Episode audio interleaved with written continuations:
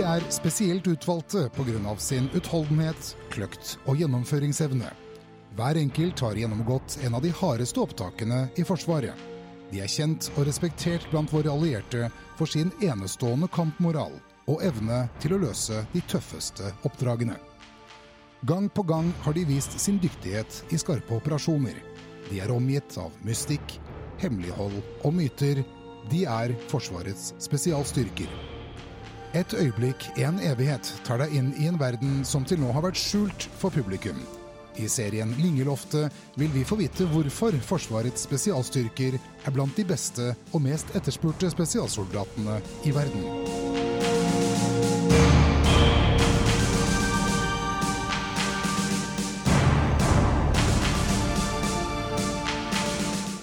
Og så roper gestapisten 'Dette er sabotører! Skyt!' Så anlegger de med rifler og skyter og treffer Tom. Ja, Så han faller om og er død.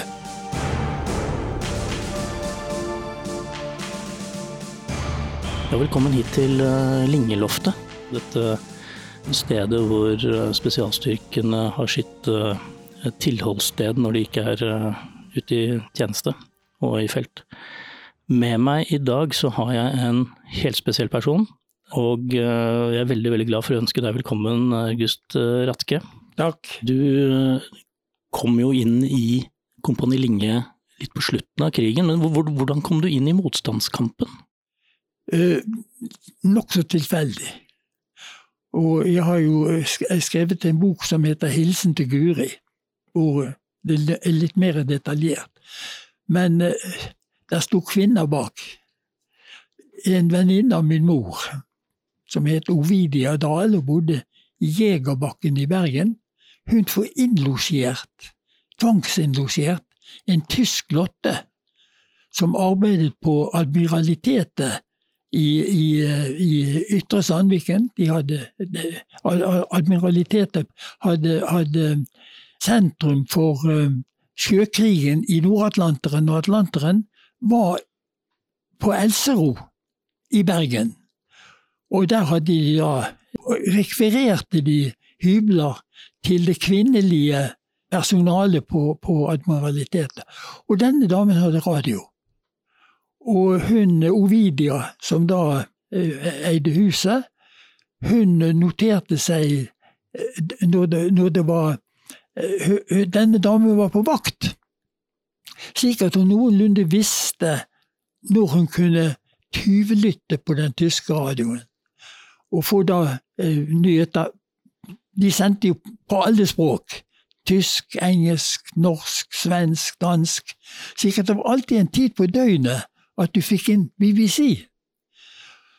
Og så er det da at eh, disse, min mor og hun, begynner å tenke på Skal vi begynne å spre dette her? Men da må vi være flere som lytter. Og da er det jeg da blir bedt om, eller ikke truet, men sagt nå, nå skal du gå ut, og så skal du sette, sitte sammen med Ovidia når, når, dere lytter. Hun skal sitte i et kanapp og se nedover veien, og så skal du lytte og notere. Og slik ble det i slutten av 1942. Ja. Og da øh, måtte jeg da gå hjemmefra og ut der, og av sendingen fra London var klokken halv syv, og vi nærmet seg den tiden at denne lotten kom tilbake, så hørte vi ofte på den øh, tyske Eh, BBC-sendingen. Og så var det en dansk BBC-sending fra klokken 18.15 til 18.30. Og så kom den norske. Men da måtte vi ofte kutte når vi så på klokken, På, da var hun. Hvorfor måtte vi gjøre det? Jo, fordi at radiolampene i hennes radio ble varme slik at den måtte ha stått av en stund, slik at hvis denne damen var mistenksom når hun kom hjem, så kunne hun bare kjenne bak på apparatet om det hadde vært brukt. Så vi var nødt til å, å Og det, det, funket, det funket. Hun Aldri tegn til at hun visste at Og da var det å, når jeg kom hjem, å skrive en liten sånn nyhetslapp med de siste nyhetene fra, fra London. Så går, går disse lappene med nyheter, og blant annet kommer disse lappene til et postbud. Hans datter var eh, klassekamerat med min søster. Hun, min søster fikk dekknavnet Petra. Og denne datteren til denne mannen, hun fikk dekknavnet Petrine. Og så fikk Petrine da aviser fra meg og min søster på skolen. Sandviken skole utvekslet fikk hun, så hun leverte til sin far. Og så inviterte faren meg til å komme hjem til eh, Petrine, som da bodde i Odd Gjelles gate i, i, Bergen, på loftet. Det var ett rom. De hadde ett rom med en sovealkove. Han var verdipostbud, som gikk med spesielt verdipost. Og i det rommet hadde de eh, bord, stoler, et stort skap, og så en divan som Petrine sov på. Og så var det en sovealkove for moren og faren. Og så kom jeg da inn i dette rommet, og faren takket for eh, disse meldingene, sa han. Og jeg er jo i den situasjonen, sa han, at jeg kan kontrollere at det som står der, er riktig. Og så pekte han på dette ene skapet som sto i rommet, og oppå det sto der en, en tildekket en av de aller siste modellene av en radio. Og den radioen var da hentet ut fra et jødehjem på Møhlenpris. Og det var veldig moderne, blant annet så kunne du eh, innstille på stasjonene på forhånd. Trykket du ned Oslo, trykket du ned London, trykket du ned New York, trykket du ned Ja, ja. Eh, det var en, jeg tror det var fem stasjoner som du trykket på. Men, sa han, når nå jeg du vet Anne Marie om at du skulle komme her, så er det for du ser jo det, jeg kan jo ikke ha det. Jeg er gammel kommunist, sa han. Jeg har unngått alle tidligere arrestasjoner, for jeg hadde ingen tillitsverv, sånn at jeg var nøytral. Men blir det, blir det en husundersøkelse her, så er det jo de første de finner du en Kan du overta den? Hm. Det var også et spørsmål. Men du og du, for en fristelse! Så når jeg kom hjem, så tok jeg kontakt med min far og sa du, kan få en flott radio hvis vi, hvis vi våger det. Kom igjen, sa han. Min far var norsk-amerikaner, så han snakket 'There's sitt you're broken'. Come along, sier han. Og desse, han hadde levd halvparten av sitt liv i Texas, og han hadde en god del av eh, Texas i seg. Så vi gikk ned da en mørk kveld, vi to, og så bar vi denne tunge radioen opp i kjelleren i Heien 18. Og da hadde vi innrettet inni en vedstabel hadde vi innredet plass til denne store radioen. Så den ble da satt inn i hulrom i vedstabelen, og så var det da en uh, vedskie som var halvert, som vi kunne trekke ut og komme inn til den elektriske ledningen, dette var ikke batterimottaker, til den elektriske ledningen og antennen. Og antennen den ble festet til et lite vindu ut mot uh, gaten, som hadde ståltrådnetting. Og da ble det regelmessig lytting på denne radioen, og da ble det også mer, uh, kan du si, organisert. Så er det da to, en, en av lektorene, som het Ingolf Knag. Han var gammel kommunist. Så han kommer til meg, og så sier han du, um, ja, kunne du tenke deg å bli med i en marxistisk studiesirkel? Ja, og, og da hadde vi i denne klasseavisen som vi hadde i, på skolen, der hadde vi mye artikler om kommunisme. Nettopp fordi at tyskerne var sterkt imot Det var jo kampen mot bolsjevismen, så var det, var det toppskåreren Så kan, kan ikke du komme hjem til meg i, i kveld, så kan vi eh, snakke sammen. Ja da, sa jeg, det kan vi. Og da jeg kommer hjem til han, så er det eh, to andre personer. Da bor han hos en lektor Jørstad, som da var eh, lektor på Danielsens private gymnas. Og så er det en tredje person som jeg ikke aner hvem er. Og så sier da Knag, etter at vi liksom har snakket litt sånn bla, bla, bla, så sier han du, vi er ute etter en som kan arbeide illegalt blant ungdom. Vi er, representerer ledelsen av eh, kommunistorganisasjonen i Bergen, og også kommunistorganisasjonen i Norge. Både den sivile delen men også sabotasjedelen, Osvald-gruppen. Og vi ønsker en bedre kontakt med ungdom. At det kommer ut regelmessig en illegal avis for ungdom.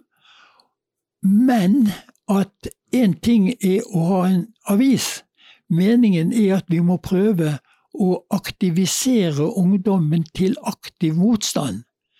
For da hadde kommunistpartiet fra 1941 lansert den såkalte aktive krigspolitikken. Slik at vi, gjennom avisen må vi prøve å få tak i uh, ungdom som er innstilt på å kunne delta i en sabotasjeorganisasjon som vi skal bygge opp i, i Bergen. Og da ble det til at jeg da fikk eh, utlevert, i tillegg til radioen i kjelleren, en liten batterimottaker i en, i en liten koffert, og der måtte vi høre med øreklaffer. Og så fikk jeg eh, en skrivemaskin. Og så fikk jeg en duplikator. Sverte, papir, stensiler. Alt til å kunne lage en illegal avis i, i større målestokk. Og da ble det til at jeg da skrev denne her avisen Fortroppen, som hadde undertittel 'Også vi når det ble krevet' kamporgan for ungdom. Og det første nummeret er litt uklart om det var i slutten av desember eller i begynnelsen av januar. Og da holdt vi på til i, no, i november 44. Da var det kommet en angiver inn i organisasjonen som gjorde at alt sammen raknet. Ja. Og, og så var det Sabog, rekruttering. Og så etter noe, et halvt års tid så hadde vi ungdom som var villig til å ta utdanning som, som sabotører. Og imens hadde da ledelsen arbeidet intenst for å få kontakt med Milorg, og ikke minst med SOE. For vi manglet jo våpen, sprengstoff, instruktører sant, osv. Uh, og så lyktes det å få kontakt med, med Milorg, og i motsetning til det som skjedde på Østlandet, hvor det nærmest var et vanntett skott mellom kommunistene og hjemmefronten, så var det åpent i Bergen. Han som da var SOE-mannen i, i, Bergen, het uh, Louis Pettersen, og han var meget fordomsfri. Eh, Milorg hadde da også fått i oppdrag fra SOE å bygge opp en sabotasjegruppe. Og så får han vite at kommunistene har en sabotasjegruppe. Så kommer han og sier til eh, Hans, Langhel, Hans eh, Langeland, som da var leder for denne sabotasjegruppen, dere kan få bli Milorgs aksjonsgruppe.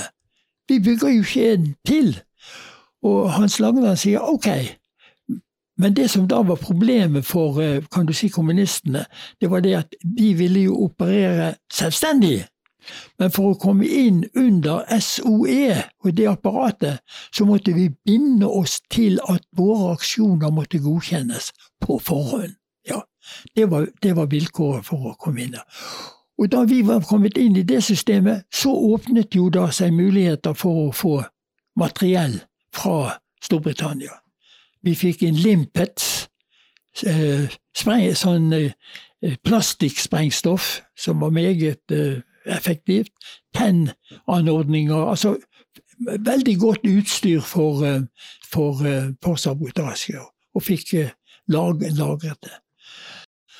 Og da hadde jeg tatt dekknavnet Viktor. Det var dekknavnet mitt. Og Strøm hadde dekknavnet Strøm.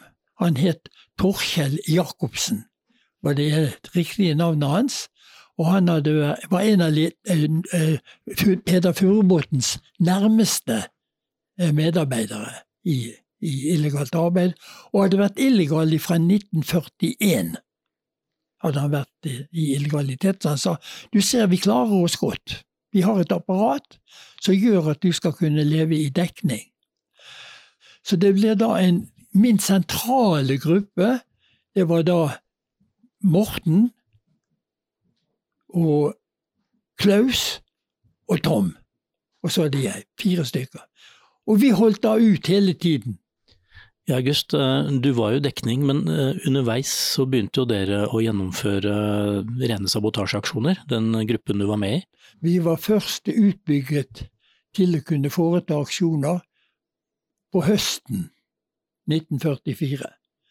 Så hele forsommeren og sommeren gikk med til å forberede aksjoner. Og et av hovedproblemene det var jo selvfølgelig å få inn eh, materiell. Og vi fikk da fatt i et uh, våpenlager i Sulen i, i, Sogn, som da ble transportert til, til, til Bergen. Og da var Milorg sterkt inne i bildet, og SOE. For den som ledet denne transporten fra Sulen til Bergen, det var eh, Moviken Nilsen. Helen Moviken Nilsen, som var en del av uh, operasjonene Jeg husker ikke navnet på hans operasjon. Det var to stykker. Det var Helen Moviken Nilsen, som var agenten, og så var det Lars Dalland, som var telegrafisten. Vi hadde da en del aksjoner med spredning av flyveblad osv., og, så og de som da liksom plukket seg ut som aktive, de ble spurt kan du tenke deg å gå med igjen og bli utdannet som sabotør? Så måtte de svare ja. Og da hadde vi til slutt plukket ut, slik at vi hadde tre lag, kan du si, som da var de som skulle i fronten, som skulle utføre aksjonene. Og så hadde du hele det apparatet som skulle var støtteapparatet som bygget opp dette her og skulle sørge for. Så, så først først utpå senhøsten i 44 kunne vi starte med, med, med aksjoner. Uh, ja. ja, går min rutine det var jo da å skrive den avisen og få den ut. og uh, Alt surret og gikk og flyttet fra sted til sted. og Til sammen i illegalitet i Bergen så bodde jeg 37 forskjellige steder i, i, i Bergen. Og denne boken, min hilsen til Guri, den er siktet på disse personene. Helt anonyme, helt grå, ingen krigshelter. Men de tok jo en forferdelig risiko. For det er jo klart at det første som når du ble tatt og Gestapo skulle avhøre deg, ja, hvem har hjulpet deg? Du må jo ha bodd noen steder, sant? Og da risikerte de jo i, best, i, i, verste fall døden, og i beste fall i hvert fall eh, konsentrasjonsleir til krigen var slutt. Ja. Og eh, det, det tyske sikkerhetspolitiet var meget intelligent. Ja. Veldig dyktige. Ja, ja, det var det. Det som da skjer senere, det er jo at en angiver kommer inn i apparatet. Og denne angiveren han bor da en kort tid hos en som har fått aviser, og også fått utdanning, delvis utdanning som sabotør, han blir arrestert fordi angiveren hadde bodd der hos han. Og Anders, som han da het, han, eh, han sprikker ikke direkte, men han blir jo satt utsatt for et veldig hardt forhør. For da tyskerne arresterer Anders, så hadde han De, bodde i et, et, et kompleks hvor det annet var et sånt uthus. og hvor vi hadde hatt instruksjon i våpenbruk og sprengstoff på loftet i dette uthuset. Dessverre var det blitt liggende igjen noe. Så når disse tyskerne kommer og finkjemmer alt, så finner de gjenstander som tyder på at det har vært våpeninstruksjon og aviser i dette bygget. Og så blir Anders veldig hardt presset. Hvor har du fått det? Og da røper han, fordi han vet at jeg skulle komme hjem til han, så røper han at han har fått det ut på denne myren. Dette er den 9. november, når vi kom til 9. november og hadde hatt flere aksjoner. Så har jeg avtale med Anders at jeg skal komme hjem til han klokken ti den dagen. Og så kommer jeg til Anders opp trappen, banker på døren, så lukker moren opp. Herregud, sa de har nettopp gått, og de har tatt Anders med seg. De har funnet et våpenlager i Gimleveien. Sa jeg, og gikk straks ned til et sånt knutepunkt vi hadde for å gi beskjed om at ingen, ingen må gå inn i området omkring Mindeveien. Stedet vårt er tatt, og det er storrazzia. Så det førte ingen spor tilbake fra den aksjonen videre. Det stoppet for, for, eh, for, eh, for vi hadde jo sørget for i, i dette lokalet Der var jo ingen navn, ingen adresser i, i der. Alt papir og sånt som var eh, Når vi trykket, sånt, det havnet i papirsekker som sto der. Men det var ikke en eneste navn var noe noe sted. Men tyskerne fant jo dette her. Når jeg nevner disse tingene som var der, så er det fra Gestapo. Det er registreringen av det som, eh, som ble funnet, og det gikk en meget seierrik rapport til sikkerhetspolitiets hovedkvarter i Berlin at de hadde tatt et av kommunistenes hovedstøttepunkt i Norge, i Gimmelveien i Bergen. Jeg, da ble jeg veldig ettersøkt. Da hadde denne angiveren uh, fått, uh, lurt seg til å få vite mitt virkelige navn. Og da hadde jeg skiftet navn fra Viktor til Paulus. Og tyskerne de var veldig på jakt etter Viktor, og de var veldig på jakt etter Paulus. Men de visste ikke at det var med én mann, samme mann. Men når denne angiveren kommer, så får de altså vite at Viktor og Paulus, det er August Ratke, bosatt i Heien 18. Angiveren har også av meg fått bo i Heien 18, så samme natten som Anders ble tatt, så ble min mor, far og søster arrestert. Eh, ikke, ikke fryktelig mishandlet, men grovt mishandlet i Gestapo-huset, og satt på grinene til krigen sluttet. Ja, så det var en katastrofal dag for apparatet mitt den 9. november i 1944.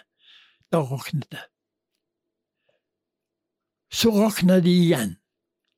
Nå er det en ny angiver. Når det gjelder denne angiveren min 9. 9. november, så het han Eilif Rye Pisani. For Pisani han hadde også vært angiver i Oslo, og blant annet et angiveri som førte til at nestkommanderende i Sundegruppen, Årsvall-gruppen, ble arrestert og henrettet.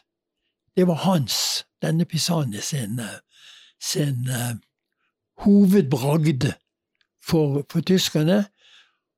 Og den hovedbragden var det som førte til at han etter krigen ble dødsdømt og henrettet. Ja, nå er vi der. Nå skal vi se. Så må jeg gå i dyp dekning. De når de signalementet mitt, og jeg eh, må, bør helst ikke gå ut om dagen, sant? og mest, mest om natten. Hadde mine kontakter som er opprettholdt. Men det ble verre og verre å jobbe Fortroppen stopper, og vi, over, vi, hadde, vi hadde annet reddet radioen, denne, denne eh, batteriradioen. Så den fikk en kar som bodde, var på Damsgård motorfabrikk. Han fikk eh, en sånn mer primitiv duplikator, og så fortsatte han da eh, denne fortroppen med en avis som het Radioavisen. Og den holdt han gående da til krigen var, krigen var slutt. Og da hadde han og den da, da produsert på Damsgård motorfabrikk i, i Bergen. Men jeg var da veldig ettersøkt, og det begynte også å rakne for hele organisasjonen. Da kom det en ny angiver inn som vi aldri har fått oppklart hvem var. Ledelsen, eller to av ledelsen i Sabborg, det var Norman Iversen og så var det en som Trygve Havnes. Begge to hardt ettersøkt. De går inn i et hus i Repslagergaten 1. Og så er det altså at Gestapo får en telefon, sier de, om at nå går to av kommunistiske eh, eh, sabotører inn i Repslagergaten 1, hvorpå 15 mann rykker ut fra Gestapo i Bergen. De rykket jo ellers aldri ut før tidlig om morgenen, men nå rykker de ut på, på ettermiddagen. Og så arresterer de toppledelsen i Saborg, og utsetter Norman Iversen og Havnes for en forferdelig tortur. Helt fryktelig. Slår og banker løs på dem til klokken to om natten. Og får visse opplysninger. Slik at når morgenen kommer, så begynner da Gestapo å arrestere, før vi kommer ut med melding om arrestasjonen. Vi vet jo ikke at dette har skjedd. Og Det fører bl.a. til at den som i Saab-gruppen skulle var leder for likvidasjoner, han ble da tatt. Og han ble altså så sterkt torturert, sparket, slått, at han dør i Gestapo-huset. Dør under torturen. Reidar Olsen. Det blir et museum. Det er blitt et museum i Gestapo-lokalene i Veiten, hvor annet denne historien til Reidar Olsen er med. Og Reidar Olsen sier ingenting. Og han blir beskyldt da for å ha skutt en statspolitibetjent på trikken, en likvidasjon. Det er han da beskyldt for å ha gjort. Men han, etter krigen har vi fått vite at gestapistene sa Han sa ikke et ord, og det var derfor han ble slått igjen. De fikk ikke noe ut av han. Men dessverre, han hadde en lapp i lommen. Han skulle samme dag oppsøke min og en av mine hovedmenn, Harald Hamre, Morten. Han hadde Mortens navn og adresse. Så Gestapo kjører i full fart ut til i Helleveien for å arrestere Morten. Og Morten, av en eller annen grunn, hadde han forutfølelse og var gått i dekning, så de får ikke fatt i Morten. Broren blir tatt, men det er en annen sak.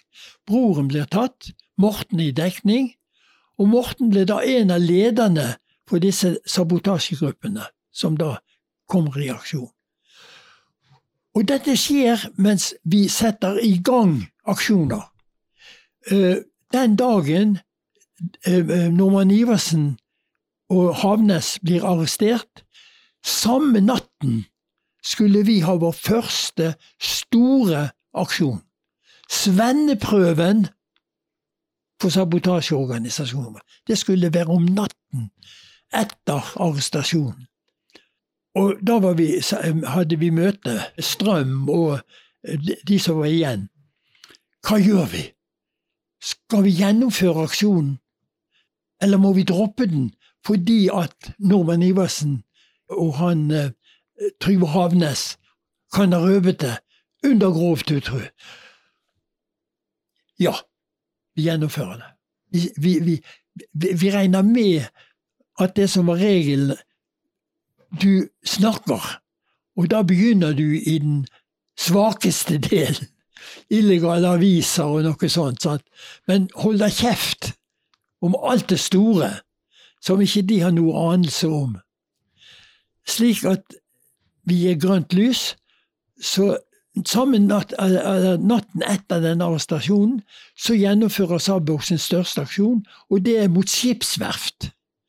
Hvor da vi har tatt ut eh, strømforsyningen, altså transformatorene. Vi sprenger da fem transformatorer på fem forskjellige skipsverft, setter de ut av drift og regner med at det vil ta lang, lang tid før de greier å skape, få fatt i nye transformatorer.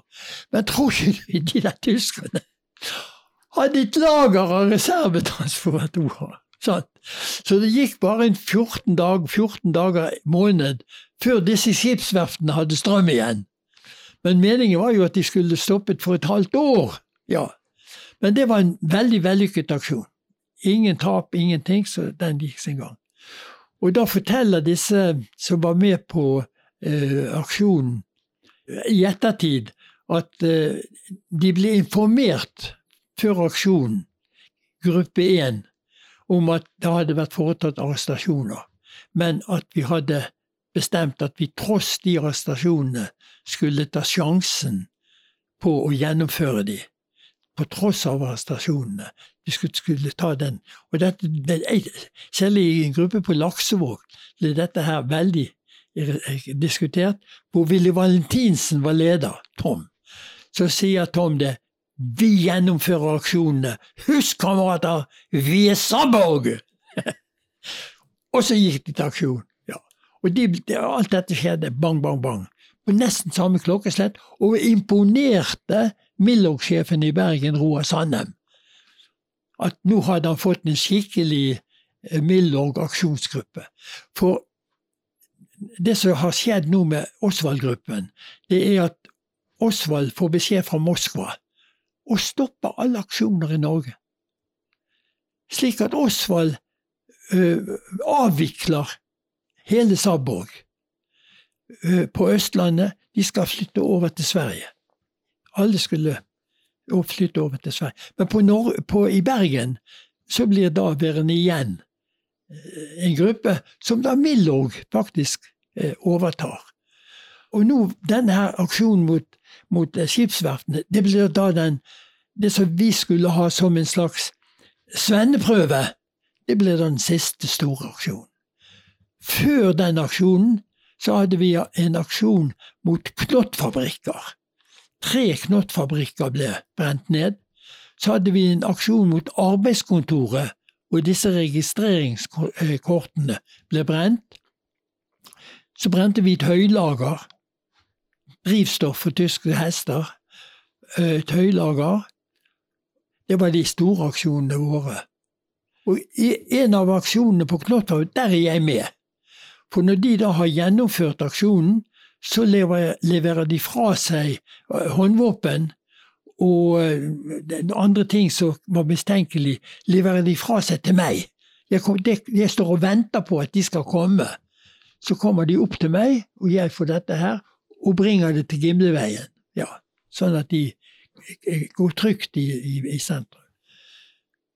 Det var de, det var de aksjonene vi hadde. Så hadde vi eh, to likvidasjoner. Det ene var en statspolitibetjent som ble skutt på trikken.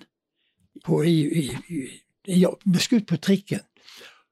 Og da er de kommet to mann fra Oslo, fra Osvalds organisasjon, fordi at um, Eh, Reidar Olsen, han som ble drept, og som da var utpekt som sjef for likvidasjonsgruppen, han kom til Strøm og sa du, jeg får ingen til å være med på likvidasjoner. Ingen som vil påta seg det. Og da Strøm er i Oslo for å avgi rapport, så møter han Osvald, Asbjørn Sunde, på Skarpsno jernbanestasjon, og så sier han til Asbjørn Sunde at jeg får, jeg får ikke fatt i noen i Bergen som har foretatt likvidasjoner. Jeg skal sende to mann, sier Sunde. Og da bryter faktisk Sunde ordren fra Moskva. Han sender to mann til Bergen, som fortsetter eh, sabotasjen. Uh, sender to mann til Bergen, som også instruerer i, uh, i likvidasjon. Slik at det kommer da en gruppe i stand. Reidar Olsen, uh, Willy Valentinsen er med i gruppen, blant annet, og en, en del andre. Vi får en gruppe. Og det store spørsmålet etter krigen det ble jo da hvem skjøt Walter Pedersen? For da er denne ene karen fra Oslo med på trikken. Altså eh, Reidar Olsen og denne karen fra Oslo, hadde, han har dekknavnet Frank. De går på trikken. Er det Frank, eller er det Reidar, som skyter og dreper? Og sønnen til Reidar han skal på liv og død ha det til at det er faren som skyter. Og jeg sier fornuftsmessig og mener det helt riktig, selvfølgelig er det Frank som skyter. Han er jo trent til dette, øvet, og Reidar Olsen har jo knapt tatt i en pistol, han har tørrtrenet i Korskirken, i kjelleren i Korskirken.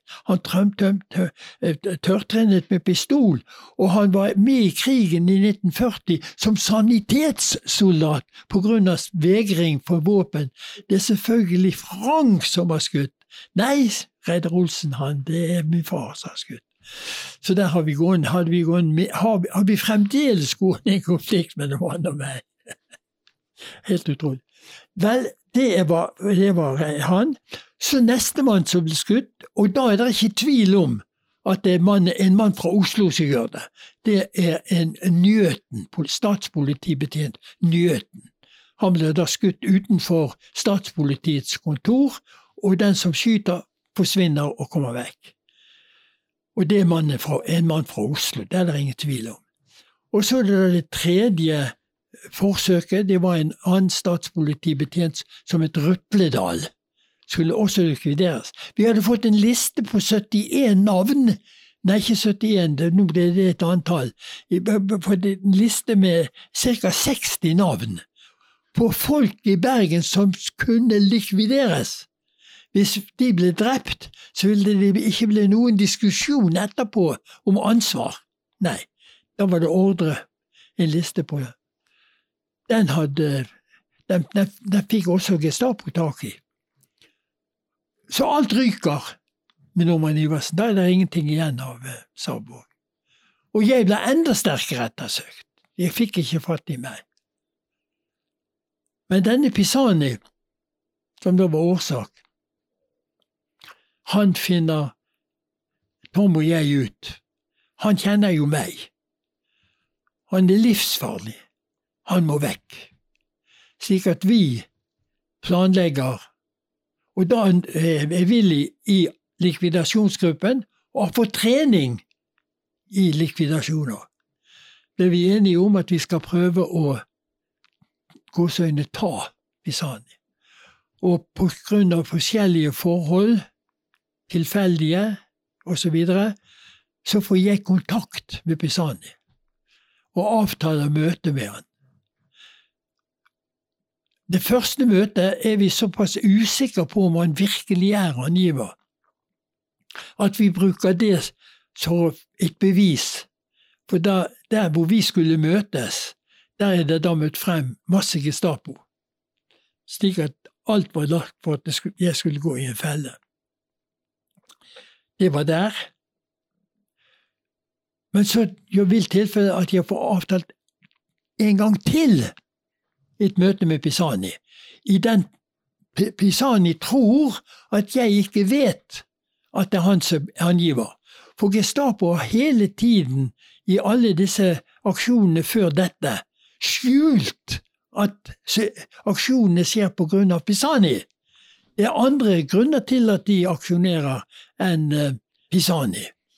Så han tror at, han, at vi ikke vet at han er angiver slik at det avtaler et nytt møte med han med løfte om at han skal få rasjoneringskort. Så avtaler jeg et møte med han i Nøstegaten i Bergen den, eh, den 5. desember i 44. Og da er det Willy og jeg, eller Tom og jeg, som skal gjennomføre det. Slik at vi går da mot dette møtestedet veldig forsiktig. Og så ser vi ai, dette er Nøstegaten klokken, klokken om, eller halv ni om morgenen. Det er aldri folk. Men hjelpe meg, der står folk, der står folk. Det er jo Gestapo. Så vi avbryter. Vi avbryter. Dette, dette nytter ikke. Og da viser det seg at Pisani har varslet eh, sikkerhetspolitiet om vårt møte, og de har rykket ut med 15 mann, fullt bevæpnet, for å ta meg når jeg møter Pisani. Så vi trekker oss tilbake, avbryter aksjonen, og så er det da at Willy, som da skulle gå til sitt dekningssted, istedenfor gå tilbake til området, nysgjerrig, hva skjer? Er stoppet av en, en, sikkert en tysk eh, politi, og klarer å snakke til å begynne med.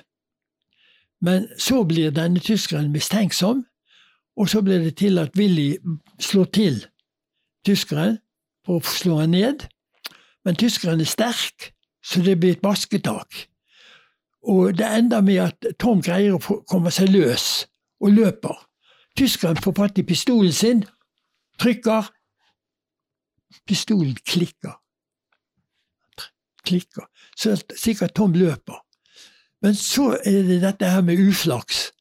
Så er da kommer Laksevågsvergen ned der. Og på Laksevågsvergen er det en sånn tysk eh, eh, feltgendarmpatrulje med rifler. Og så roper gestapisten 'Dette er sabotører! Skyt!' Så anlegger de med rifler og skyter og treffer Tom. Ja, så han faller om og er død. Ligger død. død. Og så eh, Hvem er dette? så undersøker de da eh, Tom, og, og, og, så vet de jo det at jeg skulle være i området. Og av en eller annen forunderlig grunn så finner de ut der på stedet at det er meg. Det er Viktor, eller Paulus, som han skulle møte, som er skutt. Slik at eh, det ble sendt beskjed til eh, politi, norsk politi at uh, dette skuddet osv. på, på Nøstet, det skulle ikke norsk politi blande seg inn i i det hele tatt. Det var August Ratke som var skutt. Så da var jeg død. Offisielt død. Og Strøm får beskjed om fra sin kontakt i politiet at jeg er skutt på Nøstetov. Og da bor jeg i Vestre Holbergsallmenning hos en lærerinne, Magda Isaksen. Da, da Tom, da, og Det var da jeg skiltes med Tom.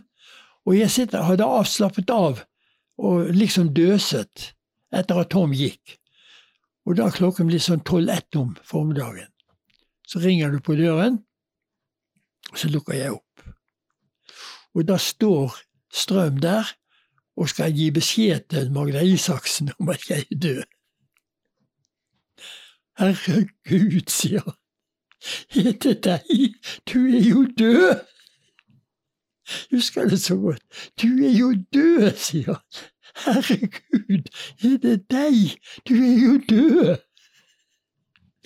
Nei, så er jeg ikke død. Og da forsto vi jo at det var Tom som var, som var skutt.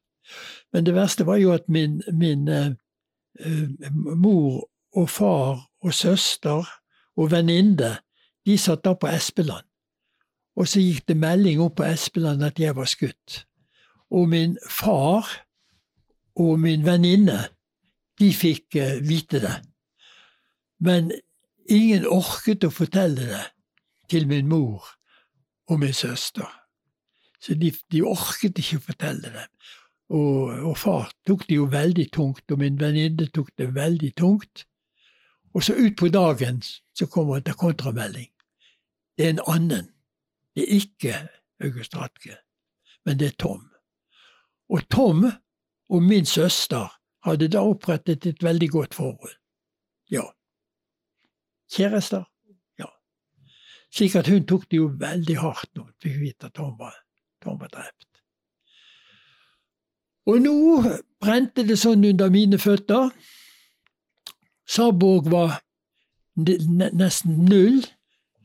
Og han som var leder for Saborg etter Norman Iversen og Hans Langeland, som het Rolf Olsen, med dekknavnet Piten, han var gått i dekning i Os. Slik at det var ingen kan du si, formell leder av, av Saborg.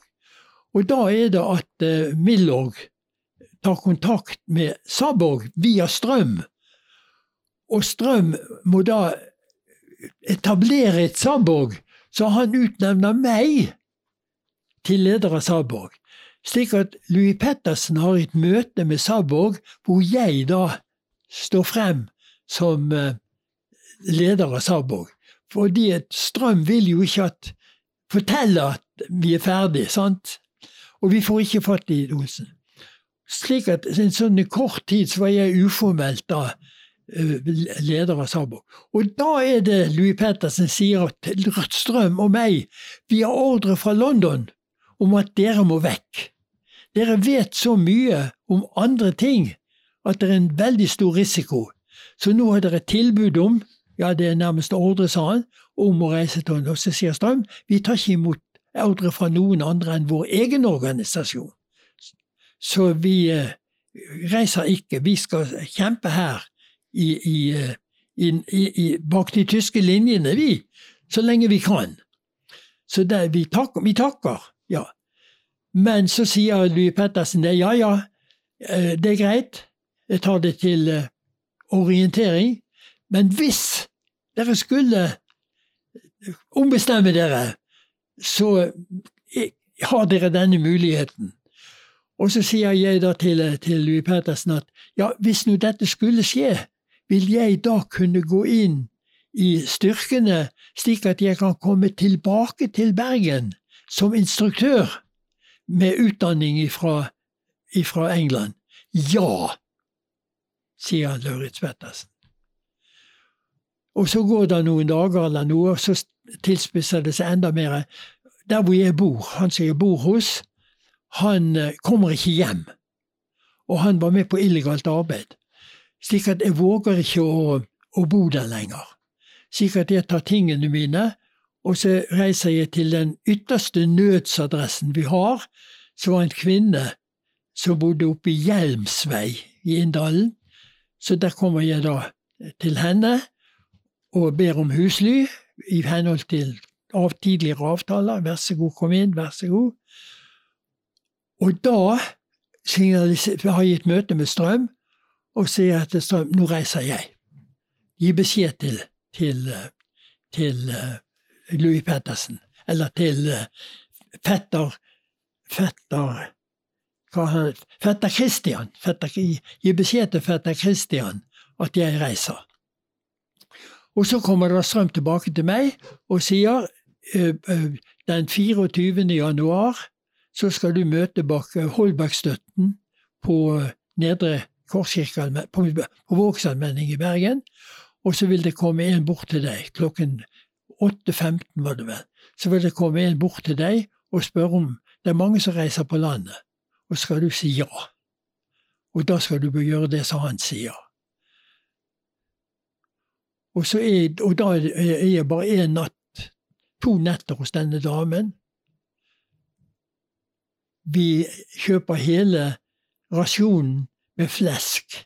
Det var en sånn månedsrasjon med flesk som skulle fordeles over en måned.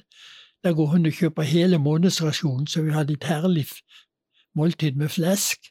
Og så var det litt flesk igjen, så hun pakket pent inn til, til uh, proviant for meg.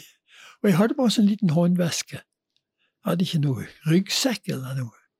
Alminnelig hverdagslig kledd med, med en sånn eh, eh frakk, gabardinfrakk, og, stiller meg bak eh, Holbergstøtten. Og der kommer også en annen mann bort og, og står litt vekke fra meg. Og så kommer det en tredje mann og spør oss begge to. Eh, det er mange som reiser på landet nå. Ja, det er nok det. Vi skal òg på landet. Blomvåg, båten, lokalbåten Blomvåg, den ligger nå ved Sakariasbryggen, og den reiser, skal, skal på tur til Hernar starter klokken ni. Dere skal gå om bord på, på eh, Blomvåg, og så skal dere løse billett til Hernar. Og så skal dere gå i land på Hernar, og så får dere se hva som videre skjer. Adjø. Så går han. Og så gjør vi jo det, da. Vi går, går om bord i Blomvåg. Og der er også strøm. Strøm er også om bord på Blomvåg. Og så tøffer vi utover. Og dette er rutebåten. Og alle båter som reiser ut fra Bergen, må innom kontrollstasjoner, hvor tyskerne går om bord og tar pass osv. Men ikke rutebåten. Denne rutebåten går uten kontroll. Slik at eh, Og så er det flere sånne mystiske personer om bord i båten som sitter der og ser på disse vi, De reisende vi betrakter hverandre mistenksomt, og de betrakter ekstra mistenksomt meg, for jeg tar opp nisten min med flesk. Det må jo bare være nazister som har flesk, vet du. Og så hadde jeg kjøpt, fordi at jeg skulle gjort det i England, så hadde jeg kjøpt uh, siste nummer av Fritt Folk og et et naziblad som het Munin, som skulle ha med til England.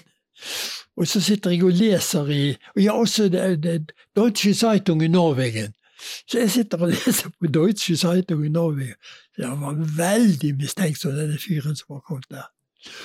Så går jeg ut og snakker med Strøm, og Strøm bestemmer seg da på et av stoppestedene. Nei, jeg reiser ikke. Så først da går han fra båten og har kontakter på stedet, mens jeg fortsetter. Kommer vi til Hernar, det har blitt bekkende mørk natt, og da går vi av båten, en liten flokk, og så hadde jeg hatt kontakt i illegalitet med en som het Hans Jeg vet jo ikke at, han het Hans Helle den gangen, men etterpå var det Hans Helle som organiserte denne nordlige ruten til Shetland. Hans Helle, så kommer han ut i mørket og sier Nei, er det deg, Viktor? Nå ble det for hett for deg, sa han. Og så ror han oss fra Herna til en øy like syd for som heter Lyngøy. Og der ligger det en liten sånn fiskeskøyte, og så går vi om bord i denne fiskeskøyten. Det er et litt svakt, svakt lys oppe i masten.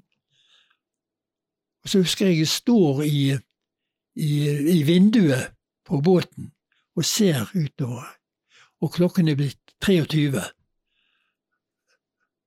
Så var det en sånn bergvegg. Så beveger den bergveien seg, og så glir Hitra inn. Legger seg til siden av. Og så går vi om bord, og den første som jeg møter, det er Jakob Strandheim. Han tar tak i meg og hjelper meg om bord. Jakob Strandheim. Og så får vi Og så, og så losser de våpen over i fiskebåten. Tar imot oss, og, da vil vi flere fra som har ligget i dekning på Radøy i flere uker, som det også er med tilbake til. For da har det også andre, blant annet en etterretningsorganisasjon som et bar, den hadde også raknet, slik at noen av lederne i bar var også med over. Og så er det blikk stille hav, full fart vestover. Klokken 11, ca. 11 om formiddagen kjører vi inn til Scatterway. Altså litt over 24 timer fra sentrum av Bergen til Scatterway. Det var den såkalte Shetlandsbussen. Og det var Hitra kaptein Eidsheim. Så ble jeg mottatt der, og, nå skal ikke vi gå gjennom alle prosedyrene før du kommer så langt at du er fri i London. Sant? Du, har, eh, du ble jo internert en tid, du skal ha legeundersøkelse, du bla, bla, bla, et eh, politi, eh, avhør osv. Men til slutt er jeg fri, og da får jeg beskjed om å møte i FO4 og, og, inn, og bli innrullert. Så kommer jeg til FO4, kommer på, kontoret, og så kommer det en hyggelig mann imot meg, og det er da Louis Pettersen.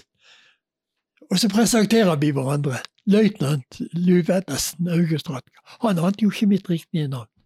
Jo, han visste det, selvfølgelig visste han navnet mitt. Alle visste det den gang. Og så sier han at eh, så sier han, ja, eh, jeg holder løftet mitt. Du er innrullert til tjeneste, spesialtjeneste her ved FO4. Du må nok eh, ha en rekruttskole, men deretter så vil du få spesialundervisning og gå inn i en i, Og da heter det bare spesialavdeling. Ja. Takk, sier jeg. Da var jeg innrullert i, i uh, Nordisen. Norwegian Independent Company.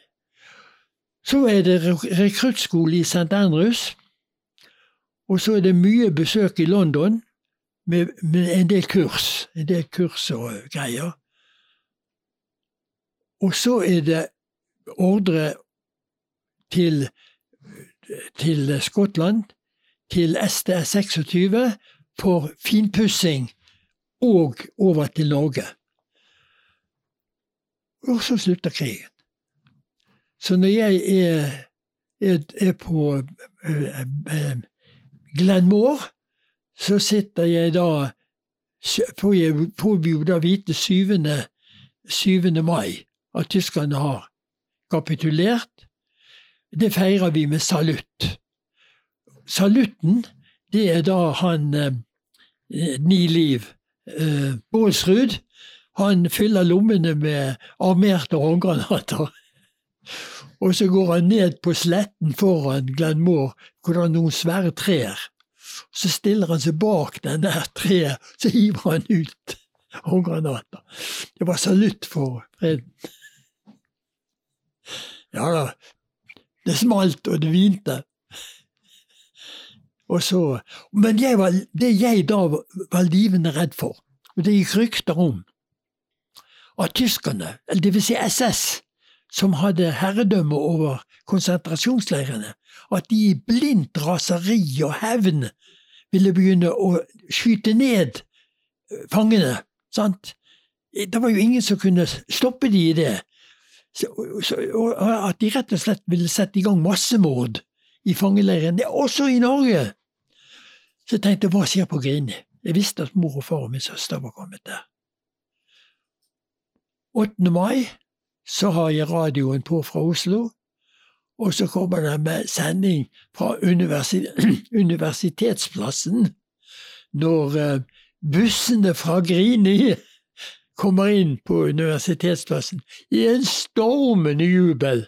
Så tenkte jeg nei, det har nok ikke sett noe på Grini.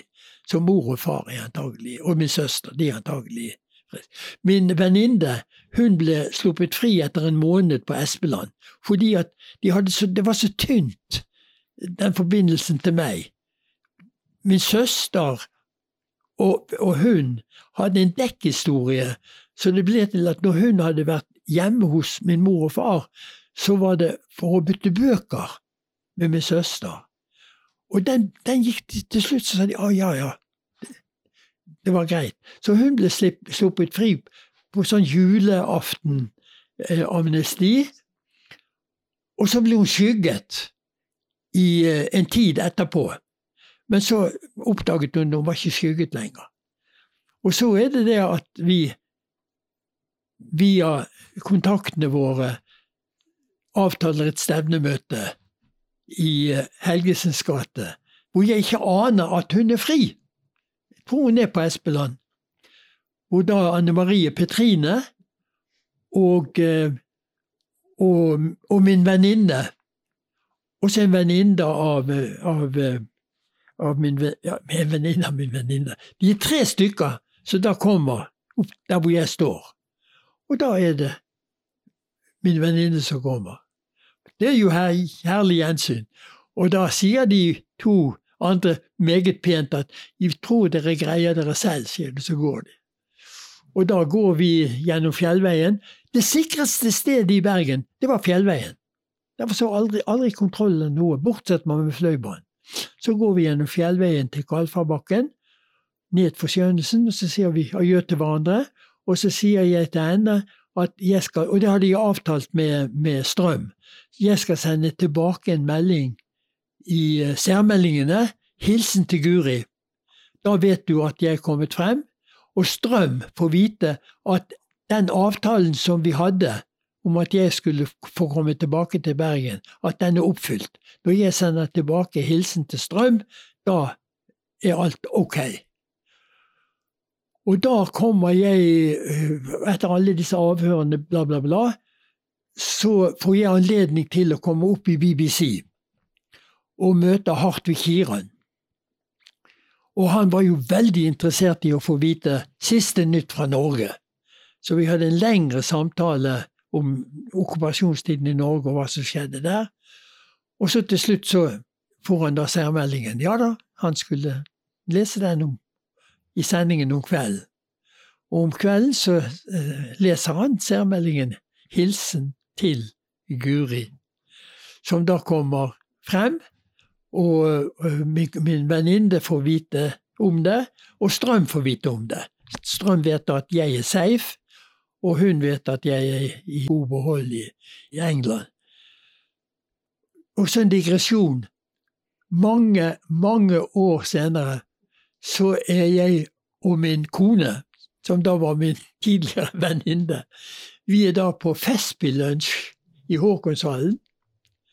Og da får min kone plass ved siden av Hartvig Kiran. Og så snakker de sammen, så sier hun til Hartvig Kiran, husker du en særmelding, hilsen til Guri? Ja, sier Hartvig Kiran. Og det var jo sikkert på grunn av samtalen vi hadde. Det var ikke så mange som kom fra Norge den gangen. Ja, sier Hartvig Kiran. Guri, det er jeg, det, sa hun. Dette er en av mange unike historier om selvoppofrelse og mot fra våre soldater. Her lar vi soldatene selv fortelle om de intense øyeblikkene, akkurat slik de opplevde det. Historier som rett og slett er blitt et øyeblikk i en evighet.